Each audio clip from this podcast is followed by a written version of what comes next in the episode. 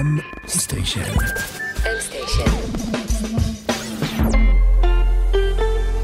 מבית מייקרוסופט בישראל. שלום, אני יאיר גיל, ואתם מאזינים לפרק השני של חולץ פקקים. הסדרה עוסקת במשבר התחבורה בישראל, ובעיקר בפתרונות הטכנולוגיים ואחרים שאנחנו מקווים שיוציאו אותנו מהפקק. והפרק הנוכחי עוסק באחת המהפכות הטכנולוגיות המרתקות ושובות הדמיון ביותר, הרכב האוטונומי. Johnny Cat. Where can I take you tonight? Drive! Drive! Would you please repeat the destination? Oh, anywhere, just go! Go! Please state a street and number. Shit. Shit! I'm not familiar with that address. Would you please repeat the destination? אז זה מה שקורה כשארנולד שוורצנגר נכנס למונית אוטונומית, מתוך סרט המדע הבדיוני המופתי, זיכרון גורלי. ובאמת, חזון הרכב החכם ללא נהג מככב בדמיון, במדע הפופולרי וגם הבדיוני כבר עשרות שנים. אבל בעשור האחרון, חלק גדול מהטכנולוגיות שמאפשרות את החזון הזה מבשילות בקצב מהיר, בגיבוי של השקעות ענק של תעשיית הרכב ושל שוק ההון בכלל. בפרק הראשון הזכרנו בקצרה את האתגרים העיקריים שמהפכת הרכב האוטונומי עומדת בפניהם. בפרק היום נצלול קצת יותר לעומק בנושאים האלה, ננסה להבין מה הסטטוס הנוכחי של התחום, ועד כמה אנחנו רחוקים מרכב אוטונומי לגמרי שינוע על הכבישים. והכי חשוב, להבין איך הטכנולוגיה הזו תעזור לפתור את בעיות התחבורה הקשות שאנחנו מתמודדים איתן. ספוילר אלרט, השם מובילאיי יוזכר כנראה יותר מפעם אחת. האורח שלי הפעם הוא אחד מבכירי וותיקי עיתונאי הרכב בישראל, וחוץ מזה הוא גם אח שלי. אני אתן לו להציג את עצמו. שמי דובי בן גדליהו, כתב הרכב של העיתון גלובס ב-25 השנים האחרונות. אה, מכיר את התעשייה לאורכה ולרוחבה, ליוויתי את נושא הרכב האוטונומי מתחילתו, ועוסק בו גם כיום בכל הרמות. התעשייה מתייחסת ליכולות האוטונומיות של רכבים לא כמקשה אחת, אלא כסולם של התקדמות על פני מספר שלבים, על פי רמת החוכמה והעצמאות. ביקשתי מדובי שיעזור לי לעשות קצת סדר בנושא. נהוג לסווג את רמות האוטונומיה בסולם של חמש קטגוריות, כאשר הקטגוריה הבסיס זה בעצם רכב טיפש. בעצם אנחנו מדברים פה על מערכות שיש שם כמעט בכל רכב, שזה אומר אה, לכל היותר בקרת שיוט אה, אוטומטית, ודברים מאוד בסיסיים. הרמה השנייה זה בעצם הרמה, מה שאנחנו התחלנו לקרוא אה, ADAS, או אה, מערכות סיוע לנהג. שזה בעצם מערכות שאנחנו כולם מכירים אותן בדמות הקופסה המצפצפת של מובילאיי. יש לך חיישן שמזהה לפי פרמטרים מסוימים לסכנה, אם אתה מתקרב מהר מדי לרכב, אם אתה סוטה מהמסלול וכיוצא בזה, ואז הוא פשוט משמיע לך צפצוף. כמובן שהרכב לא, חוץ מהאזהרה פסיבית, לא עושה שום דבר. אה, הרמות היותר מתקדמות, מה שנקרא 2 אה, פלוס, פה אנחנו מתחילים לדבר על מערכות שבעצם בהן הרכב לוקח פיקוד במידה מסוימת. למשל, בלימה אוטונומית, כאשר מובחנת סכנה, הבלמים מופעלים אוטומטית. עוד מערכת כזאת, למשל, זה מערכת uh, סיוע אקטיבי לנהיגה, זאת אומרת, לא רק ציצוף, אלא גם ממש מסיט את ההגה בצורה uh, אקטיבית. מערכות יותר מתוחכמות בקטגוריה הזאת, אלה כבר מערכות שיכולות לעשות יותר מזה. למשל, ל-BMW יש היום בקטגוריה הזאת גם מערכת שיכולה במקרה הצורך, אם חס וחלילה אתה אה, אה, מזהה שנרדמת, היא פשוט אה, לוקחת שליטה ומחנה את הרכב בשוליים של הדרך, אוטומטית. Uh, הקטגוריה מספר שלוש זה בעצם uh, קטגוריה שאפשר לקרוא לה uh, לתת את השליטה למכונית לפרקי זמן קצרים. זה בעצם מערכת, נקרא לזה מערכת האוטופיילוט המפורסמת של טסלה. כלומר, אתה נותן, אתה ניסע על הכביש המהיר, ובעצם יש לך חיישנים שהם היקפיים, מזהים גם את התנועה מסביבך, ואז אתה בעצם מרים את הידיים, נותן לה היגוי uh, לעשות את שלו, אפשר לקרוא לזה מערכת בקרת שיעוט חכמה במיוחד, שכמובן יש לה את המגבלות שלה, שבדרך כלל זה מגבלות של מהירות, מגבלות של uh, סוגי כבישים, אבל כל הרעיון במערכת הזאת היא שעדיין הנהג הוא אחראי על העסק. כלומר, שאם הרכב מאותת לך שיש uh, uh, סיכון מסוים, והוא לא יכול לעשות את השליטה, האחריות היא עליך עדיין לבלום. ארבע וחמש, אנחנו כבר נכנסים לטריטוריה של מה שנקרא רכב אוטונומי, או כמעט אוטונומי. ארבע, למשל, זה בעצם אתה יכול לתת לרכב לעשות כל מה שאתה עושה בדרך כלל. היא יכולה לפעול גם בעיר, היא לא מוגבלת במהירות, היא מוגבלת בסוג המקומות שהיא יכולה לעשות את זה. כלומר, היא יכולה לעשות את זה באזורים מתוחמים ומוגדרים, שעשו בהם מיפוי מאוד יסודי. אנחנו מדברים על מיפוי ברמה של אה, סנטימטרים ומטרים.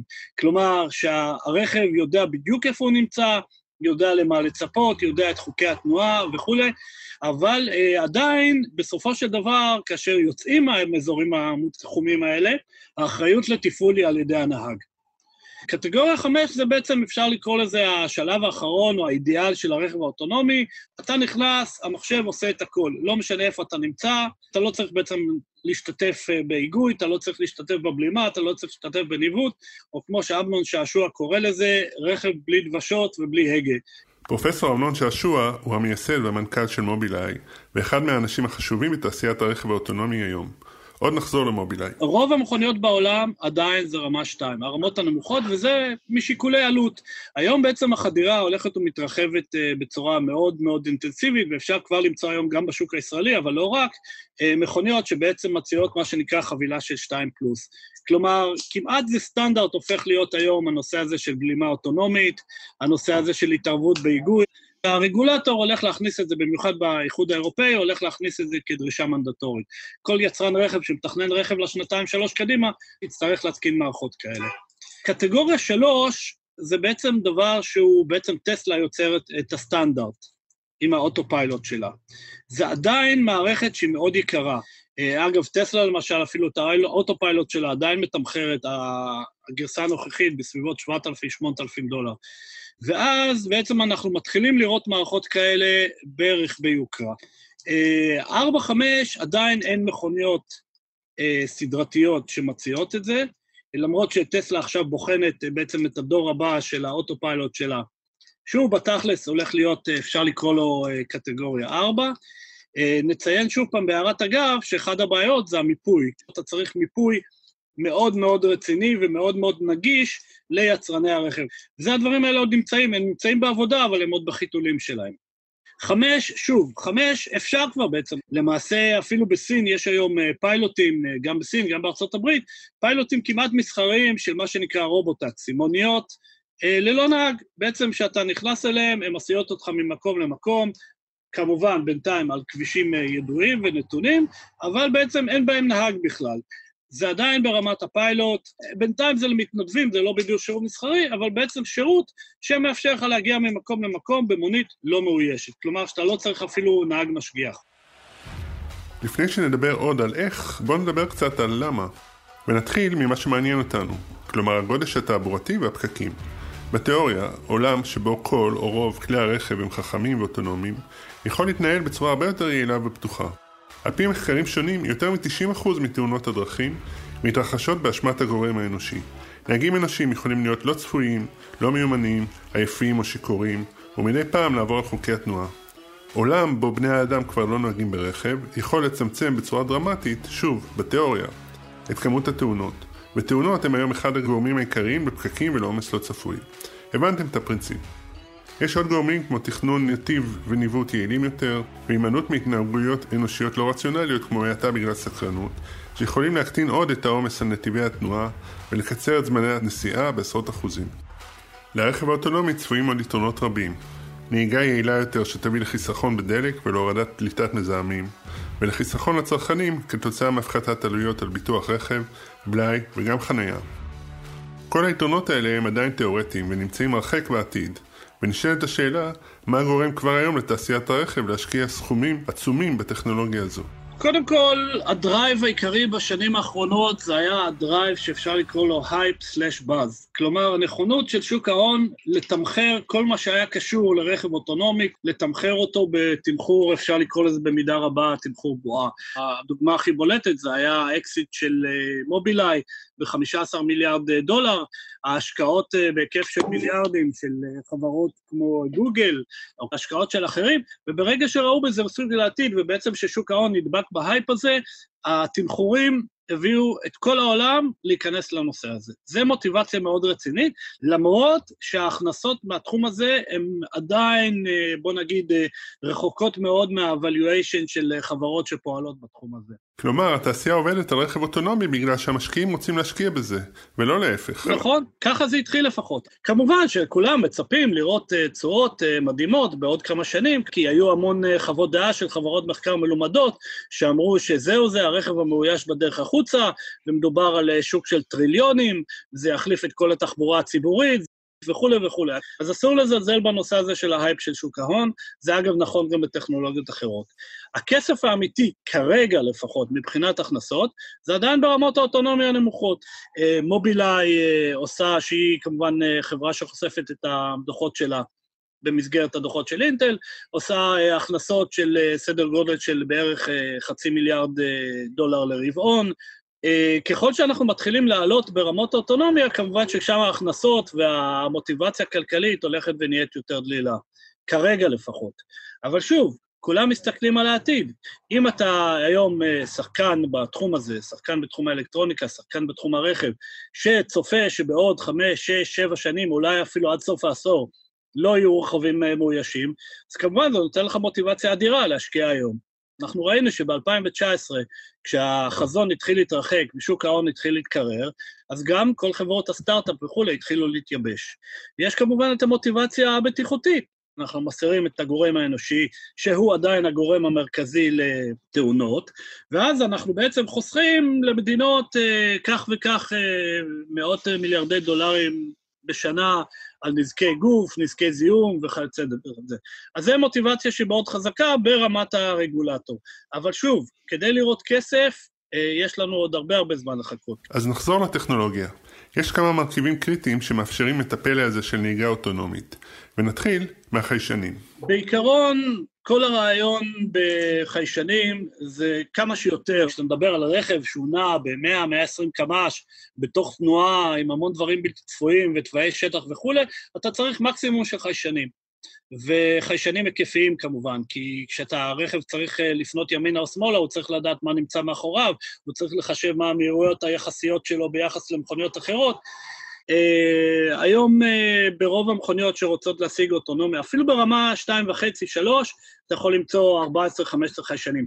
Uh, החיישן שעליו מובילאיי בעצם בנתה את עצמה זה חיישן וידאו חכם, כלומר עין של וידאו, שמאחוריה נמצאת תוכנה מאוד מאוד חכמה, שמזהה וקוראת את הנתונים. מובילאיי טוענת עד היום שבתיאוריה ניתן להגיע ל-100% אוטונומיה באמצעות חיישני וידאו בלבד. אבל זה לא מספיק. קודם כל, אה, לא הרבה יצרנים בעולם יודעים אה, לייצר את ה... אה, נקרא לזה את הראייה המלאכותית, או את הבינה שמתקשרת ל, ל, לחיישני וידאו האלה ברמה שמובילאיי, שמובילאיי מזהה, ולכן הרבה פנים גם לפתרונות, נקרא לזה, יותר נחותים, כמו שקוראים לזה. למשל, חיישנים אולטרסונים, שזה בעצם חיישן שהוא אה, מזהה בסביבה הקרובה, מה שקורה מסביב לרכב, חיישני רדאר שרק עכשיו מתחילים לצאת לשוק, שזה בעצם חיישני 4D נקרא לזה, שזה בעצם צ'יפים מאוד מאוד חכמים, שיכולים לזהות עד מרחק של כמה מאות מטרים באמצעות אה, רדאר, אה, כלומר גלי אה, רדיו. אה, יש כמובן מה שנקרא ליידר, או אה, רדאר לייזר, איך שמכנים אותו. ליידר נחשב כפתרון למקרים שבהם אה, הווידאו עצמו לא מספיק, כלומר, למשל, נסיעה בתנאי מזג אוויר קשים שבהם הראות מאוד קשה, ערפל, גשם סמיך וכיוצא בזה, שם אי אפשר uh, לסמוך על וידאו בלבד לטווחים ארוכים. ליידר נחשב הרבה הרבה יותר מדויק מהבחינה הזאת. הבעיה של הליידר עד לאחרונה זה היה עניין של מחיר. עכשיו uh, יוצאים uh, חיישני uh, מצב מוצק של ליידר, שבעצם מורידים כבר את המחיר לטווח של כמה מאות דולרים. ואז כבר אפשר לשלב את זה במערכות שיכולות לספק רמות אוטונומיה יותר גבוהות, גם במכוניות שהן לא בהכרח מכוניות יוקרה.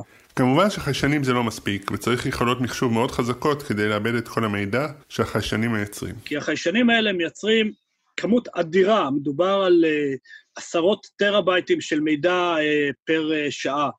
וכמובן, את המידע הזה אתה צריך לעבד. אתה צריך לעשות את זה on-board, כלומר, בתוך הרכב ובזמן אמת. ופה באמת זה היה, לפחות עד לאחרונה, אחד האתגרים הכי גדולים. כי בעצם אתה צריך לצייד את כל המערכת האוטונומית שלך ב super computer.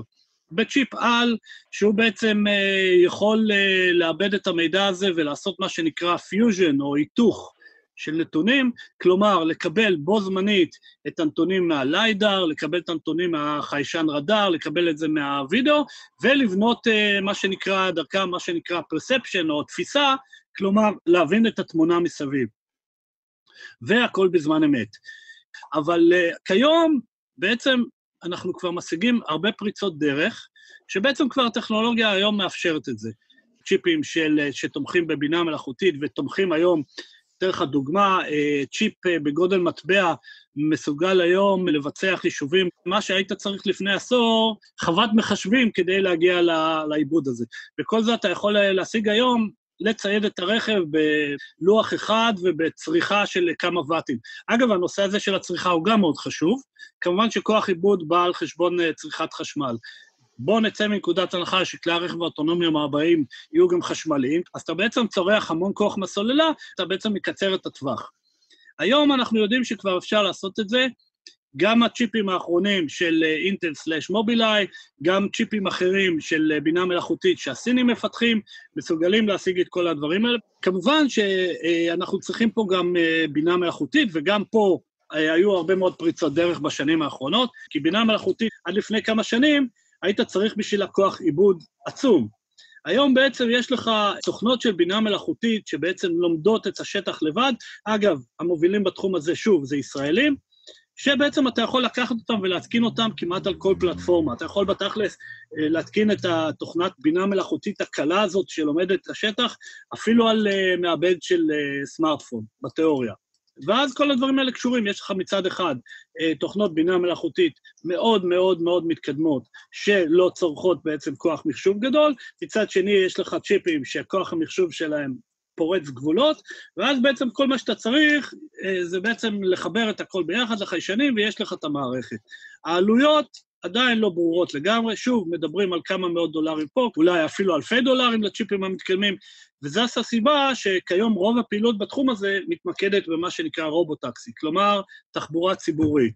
כלומר, עדיין לא הלקוח הפרטי, אלא הלקוחות שיכולים להרשות לעצמם לשלם אה, פרימיום תוספת של אה, נאמר אה, עשרת אלפים, חמש עשרה אלף דולר לחומרה ולתוכנה של רכב אוטונומי. טכנולוגיה נוספת שמוזכרת רבות בהקשר של הרכב האוטונומי היא התקשורת. תקשורת בין רכב אחד לשני ובין רכבים לתשתית. כן, התקשורת בין כלי רכב, או מה שנקרא V2X, Vehicle to Everything, זה משהו, זה קונספט שצץ בשנים האחרונות. הרעיון הוא שאתה מקבל את המידע הנחוץ לך כדי אה, לנווט ברכב אוטונומי, אתה מקבל אותו בזמן אמת גם מהתשתית. למשל, בכביש שהוא משובש במיוחד, בכביש שיש בו פקקים וכולי, יש לך תשתית חכמה מסביב, בעצם טרנספונדרים כאלה, שבעצם משדרים את זה לתוך הרכב, הרכב מאבד את זה, ובעצם נוסף לו עוד מקור מידע שמאפשר לו, כביכול במרכאות, להציץ מעבר לפינה. כל המידע נקלט על ידי כולם, מעובד, וכולי. הבעיה היא, העיקרית היא שעדיין אין הסכמה בעולם מה תהיה הטכנולוגיה. יש פה בעצם אה, פיצול בין שתי טכנולוגיות מתחרות, אחת מהן אה, אפשר לקרוא לזה Wi-Fi, בעצם שהתקשורת תהיה בתדרים או בטכנולוגיה דומה לווי-פיי, והשנייה במה שנקרא 5G אה, או בסלולר. זה מה שעיכב עד היום את הרגולטור מלאמץ את הטכנולוגיה הזאת, למרות שבעצם אתה יכול להשתמש בה כדי להוסיף שכבת בטיחות אפילו בלי קשר לרכב האוטונומי. אפילו רכב, נקרא לזה במרכאות טיפש, שיש בו את המערכות האלה, יכול uh, לשפר בצורה מאוד משמעותית את הבטיחות שלו, כחלק ממה שנקרא חזון הכביש החכם. אגב, אני אתן לך דוגמה על אה, איך משתמשים בזה כבר היום. הצ'יפים שמבוססים על ראיית, אה, ראיית מכונה, יש להם בעיה לפעמים לחזות רמזורים, במיוחד עם תנאי הריהוט גרועים. אז מה שבעצם אה, מובילאיי עושה היום, היא בעצם התקינה, בשיתוף עם עיריית ירושלים, התקינה בעצם צ'יפ שאפשר לקרוא לו V2X כזה, על כל רמזור שדרכו בעיר, שדרכו במסלולים שהמכונית עוברת דרכם, וזה בעצם אומר לה באיזה מצב נמצא הרמזור. זה ממש ברמה הכי בסיסית והכי פשוטה, אבל זו דוגמה, למשל, אה, שעוזרת מאוד לרכב לדעת אה, מתי הרמזור מתחלף, מתי הרמזור ירוק, אדום וכולי. עוד טענה טכנולוגית נפוצה לגבי הרכב האוטונומי הוא שהוא פגיע להתקפות של האקרים, ומכאן הצורך בפתרון מקיף של cyber security. זה, זה מקרה קלאסי של אה, הביצה קצת אה, מקדימה את התרנגולת. גם סביב זה, זה ניזון הרבה מאוד אה, הייפ בשנים האחרונות. כולם אמרו, רגע, בעצם אנחנו הופכים את הרכב לתלוי בזרם דאטה שמגיע מבחוץ, ובעצם כל זה נותן לנו אפשרות להאקרים זדוניים לקחת פיקוד על הרכב, להשתמש בו כאמצעי לטרור וכולי. כמובן שזה הקדים מאוד מאוד מאוד משמעותית את זמנו. על הבסיס הזה כבר כמה וכמה חברות עשו עשו אקזיט מאוד יפה, צמחו בישראל למשל קרוב לשבע, שמונה חברות cyber אה, security לרכב, חלקם עושות את זה באמצעות אה, צ'יפים וכולי, אבל אה, זה עוד רחוק. אז אנחנו רואים שיש התקדמות גדולה במישור הטכנולוגי, שבהדרגה תשפיע גם על הפן הכלכלי. אבל דובי אומר שהמכשול העיקרי הוא בכלל במקום אחר. בתכלס, היום אתה יכול לקחת רכב, בוא נגיד שאתה לא מוגבל בכסף, אתה מוכן לשים ציוד בשווי 100 אלף דולר, כמו שיש היום בהרבה רכבי הדגמה אוטונומיים. יש לך רכב שיכול למלא היום, בוא נגיד, 80-90 אחוז מהחזון של הרכב ללא נהג. הבעיה העיקרית היום זאת הרגולציה. אם לפני שנתיים-שלוש כולם חשבו שהטכנולוגיה תהיה המשוכה והרגולציה תיישר את הקו, היום יודעים שזה כבר לא. הקונגרס בארצות הברית יושב על איזה חוק שאמור להסדיר את כל הנושא הזה של ניסויים ברכב אוטונומי, של שימוש ברכב אוטונומי, ברכב ללא נהג וכולי, הם יושבים על זה כבר בערך אה, ארבע שנים, משהו כזה. האיחוד האירופאי יושב על זה גם כן שלוש-ארבע שנים. כל פעם יש איזו התקדמות אינקרמנטרית. הבעיה העיקרית של הרגולטור זה כסת"ח, כלומר, והיה אם, מי ייקח אחריות? אז זה בעצם השאלה הגדולה, את מי אתה מאשים במקרה שהרכב האוטונומי לא פועל וכשל, את מי אתה מאשים? אז באופן פרדוקסלי, אנחנו כציבור, לא רק בישראל, מוכנים לקבל את הקטל בכבישים כשנהגים אנושיים אחראים לו. אבל אנחנו אחוזי חרדה ממה שיקרה אם ניתן את ההגה לטכנולוגיה שאמורה להיות בטוחה בהרבה. אז בעצם כבר אה, אמנון שעשוע התייחס לזה, הוא אמר שהציבור מוכן לקבל 10 או 15 אחוז failures, או נקרא לזה תאונות, מתוך כלל הנהיגה בשנה, מתוך כלל קילומטרים, אבל הוא לא יהיה מוכן לקבל 0.1 אחוז כשזה ברכב אוטונומי. בסופו של דבר, זה עניין משפטי. את מי אתה מאשים? האם אתה מאשים את יצרן החיישנים? האם אתה מאשים את יצרן הרכב, כי הוא בעצם עשה אינטגרציה? האם אתה נותן את התביעה הייסוגית שלך במיליארדים לרגולטור, כי הוא בעצם הוא אפשר את כל הדברים האלה? אם אפשר לסמוך על משהו, זה שיעור עורכי דין שיאתגרו את הדברים האלה, אם וכאשר. ופה זה בעצם בסיס למערכות מאוד מאוד מורכבות של אלגוריתמים שיצרני הציוד מנסים היום אה, לחשב בצורה מתמטית, במקרה שיש תאונה, מה הרכב אמור היה לעשות, האם זה אשמת הנהג, האם זה אשמת הרכב האוטונומי. בעצם, אם יש לך אה, תאונה, הקופסה השחורה אומרת לך באחריות מי זה היה.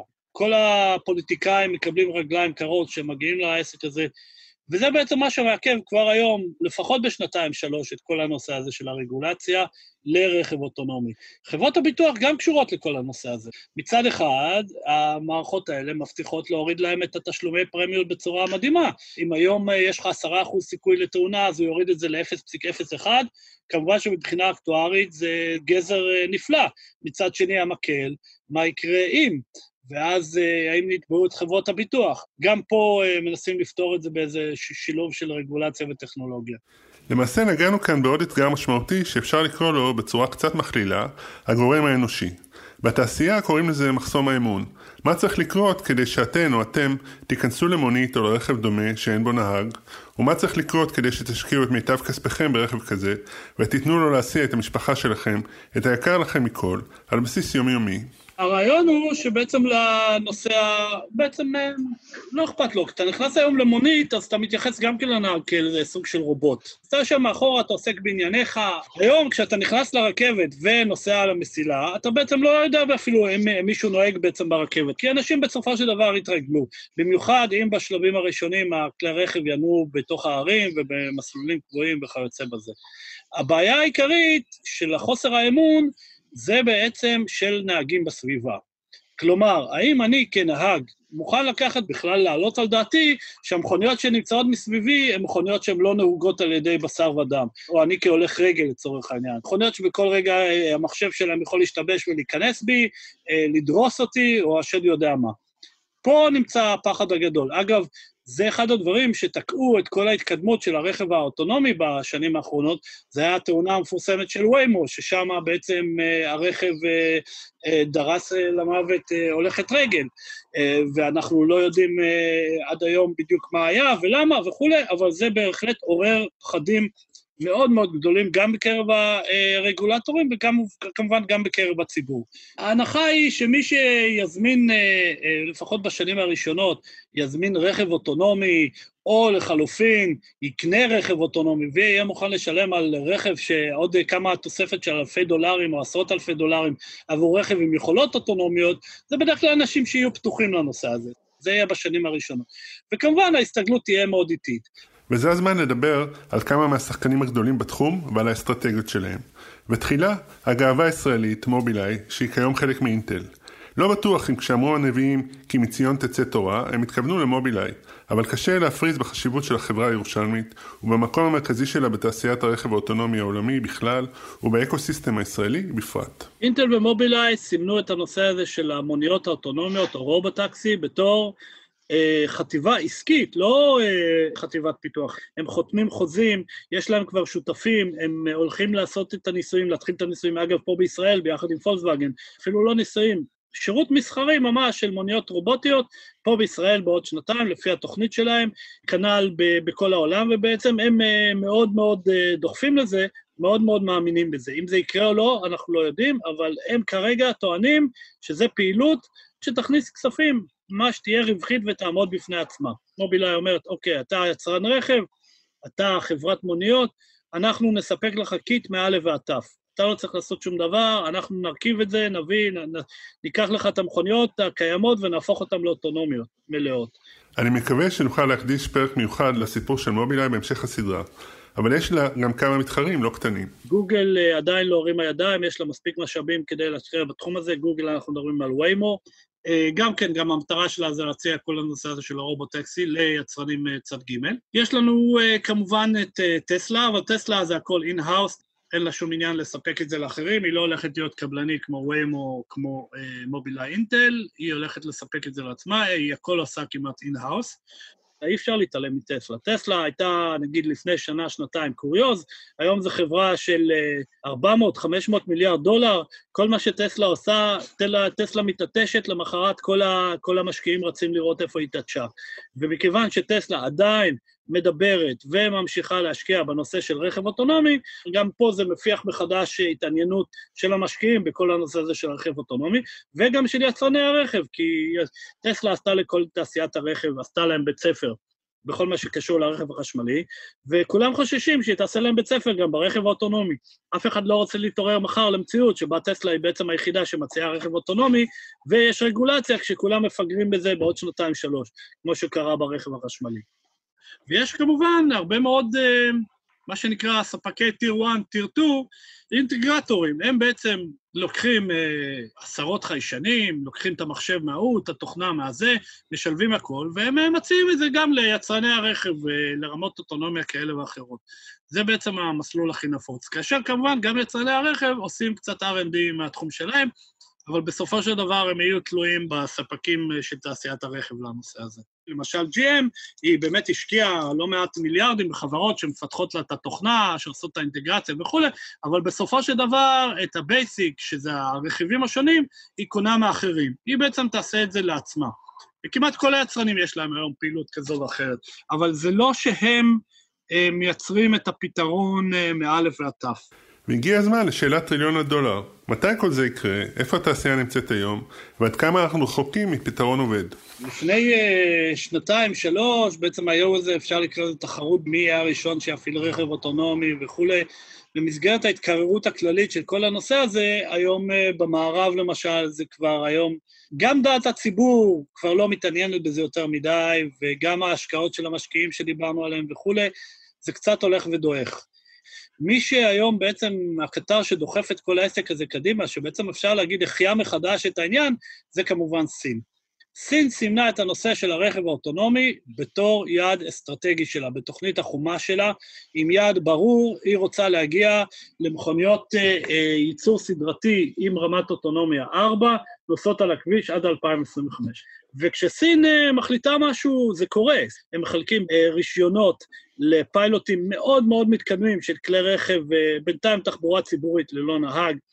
הם מסבסדים אה, אה, את ה-value chain לכל האורך, דרך חברות השקעה ממשלתיות שרוכשות זכויות יוצרים וטכנולוגיות וחברות בכל רחבי העולם, גם בישראל אגב, שפועלות בתחום הזה, והם קובעים לעצמם רגולציה משלהם, שם זה בעצם מוקד הפעילות היום. כמובן שיש עכשיו בסין הרבה מאוד יצרנים שלא שמענו עליהם, או עד עכשיו לא שמענו עליהם, אבל הם כבר עכשיו צוברים הרבה מאוד לקוחות. התעשייה עדיין מאמינה ברכב אוטונומי, אבל לוח הזמנים השתנה בצורה מהותית. כלומר, אם לפני 3, 4, 5 שנים דיברו על 2020-2021, היום בערך דעת הקונסנזוס היא שכלי רכב אוטונומיים בשירות ציבורי, כלומר, מה שנקרא רובוטקסי, יתחילו להופיע לקראת 2025, וכאשר רכב אוטונומי ברמה שבו אה, הלקוח יוכל להיכנס לאולם התצוגה ולצאת משם עם רכב אוטונומי, כלומר, אה, ייצור המוני ומחירים נגישים, זה לא יקרה לפני 2030. וזה, כל זה היה נכון לפני משבר הקורונה. משבר הקורונה אה, פגע בתעשיית הרכב בצורה מאוד מאוד קשה, המון יצרנים נכנעו להפסדים, צמצמו משמעותית ה-R&D, וכנראה זה יעכב את כל העסק הזה, עשוי לעכב את זה בעוד איזה שנה-שנתיים. אבל כמובן, כולם, אף אחד לא רוצה להיתפס בלי זה. וכולם מבינים שחייבים להמשיך להיות פעילים בנושא הזה. לסיום הפרק רצינו להבין איך נראית התמונה כאן בישראל. לישראל יש מקום של כבוד בתעשיית הרכב האוטונומי, גם בזכות החשיבות הגדולה של מובילאיי שכבר דיברנו עליה, וגם בגלל שה start-up nation עשה כאן את מה שהוא יודע לעשות הכי טוב, זיהה בעיה מסובכת בשוק, והתנפל עליה עם כל ה talent, האנרגיה והחוצפה הישראלים. כן, יש כמה חברות אה, כמובן אה, בולטות אה, בתחום, בתחומים האלה, חלקם יותר ידועות, חלקם פחות ידועות. יש לנו למשל בתחום ה-V2X, הצמחנו את חברת אוטוטוקס, היא נחשבת היום בעיני רבים למובילה העולמית בתחום של ייצור צ'יפים של V2X, של תקשורת מרכב לרכב ולתשתית. יש לנו בתחום הליידרים, הצמחנו בין השאר את חברת אינוויז, שזו חברה גם כן שגייסה עד היום כבר למעלה מחצי מיליארד דולר כמעט. יש לנו חברות צ'יפים שבעצם נותנות קונטרה למובילאיי בצורה כזו או אחרת. יש לנו חברה מאוד צעירה, שהיא בעצם סטארט-אפ בן שנתיים וחצי שקוראים לה הילו, שהיא בעצם מפתחת צ'יפים של בינה מלאכותית, מה, של, מה שנקרא Edge Computing, או עיבוד במכשירי קצה. יש לה סיכוי חזק מאוד לפריצת דרך בתעשיית הרכב. הצ'יפים שלה נחשבים בין המהירים ביותר בעולם, יחסית לצריכת הכוח שלהם. יש לנו את ארבה רובוטיקס, שמפתחת בעצם צ'יפ רדאר ארבע-ממדי, מאוד מאוד יעיל ומאוד מאוד זול מבחינת הנגישות שלו, ויש עוד רבות אחרות, רבות וטובות. אה, וכמובן, בתחום ה cyber security הצמחנו לפחות 4-5 חברות, שחלקן כבר עשו אקזיט. ומה הסיכוי שנראה בקרוב רכב אוטונומי מסחרי על הכבישים בישראל? דובי לא אופטימי במיוחד. בישראל מתבססים ניסויים, יש כמובן הרבה מאוד ניסויים של מובילאיי, מרכז הפיתוח, המחקר והפיתוח של GM בהרצליה, שאגב יש לו יד ורגל מאוד משמעותית בפיתוח הרכב האוטונומי בכלל, בקבוצת GM העולמית, גם הוא עושה ניסויים על כבישים, יש עוד כמה חברות שעושות את זה, אבל ניסויים זה בעצם לצבור קילומטרים, לצבור ניסיון. מפה ועד שירות מסחרי, הרי דרך עוד ארוכה. אם וכאשר יהיו כלי רכב בעלי יכולות אוטונומיות גבוהות בעולם, הם יגיעו גם לישראל, השאלה היחידה אם ייתנו להפעיל את זה או לא. ישראל, נגיד לפני שנתיים, אמרה שהיא הולכת להיות מובילה בתחום הרגולציה בעולם. גם היום, בעצם הימים האלה, יש בעצם ועדות בכנסת, וועדות במשרד התחבורה וכולי, שבעצם עובדות כדי להסדיר, להפנים את היכולות של הנהיגה האוטונומית לתוך חוק הרכב, חוקי הרכב הקיימים. שזה לא דבר של מה בכך, כי החוק הבסיסי למשל אומר שהנהג צריך להיות עם הידיים על ההגה כל הזמן. ברור שמפה ועד להכניס לחוק שאפשר יהיה לעלות על הכביש רכב שבו אין בכלל נהג, יש פה מרחק עצום. עובדים על זה.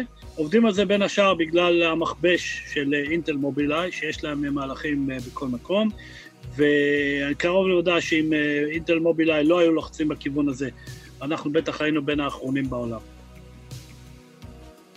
הגענו לסוף הפרק, ואם הראש שלכם מסתחרר מכל הטכנולוגיות והשמות והאתגרים, זה לא במקרה. פרויקט הרכב האוטונומי נחשב אחד האתגרים החשובים המורכבים ביותר של הטכנולוגיה האנושית בעשור האחרון, וכנראה גם בעשור הבא. ואולי שמתם לב לפרדוקס קטן, עד כמה קשה ומורכב ויקר למחשבים להחליף את הנהג האנושי. אותו נהג שבגלל יכולות הנהיגה הגרועות שלו, במרכאות או בלעדיהן, הפרויקט הזה בכלל יצא לדרך. תודה שהאזנתם לחולץ פקקים, ואשמח להיות איתכם גם בפרקים הבאים.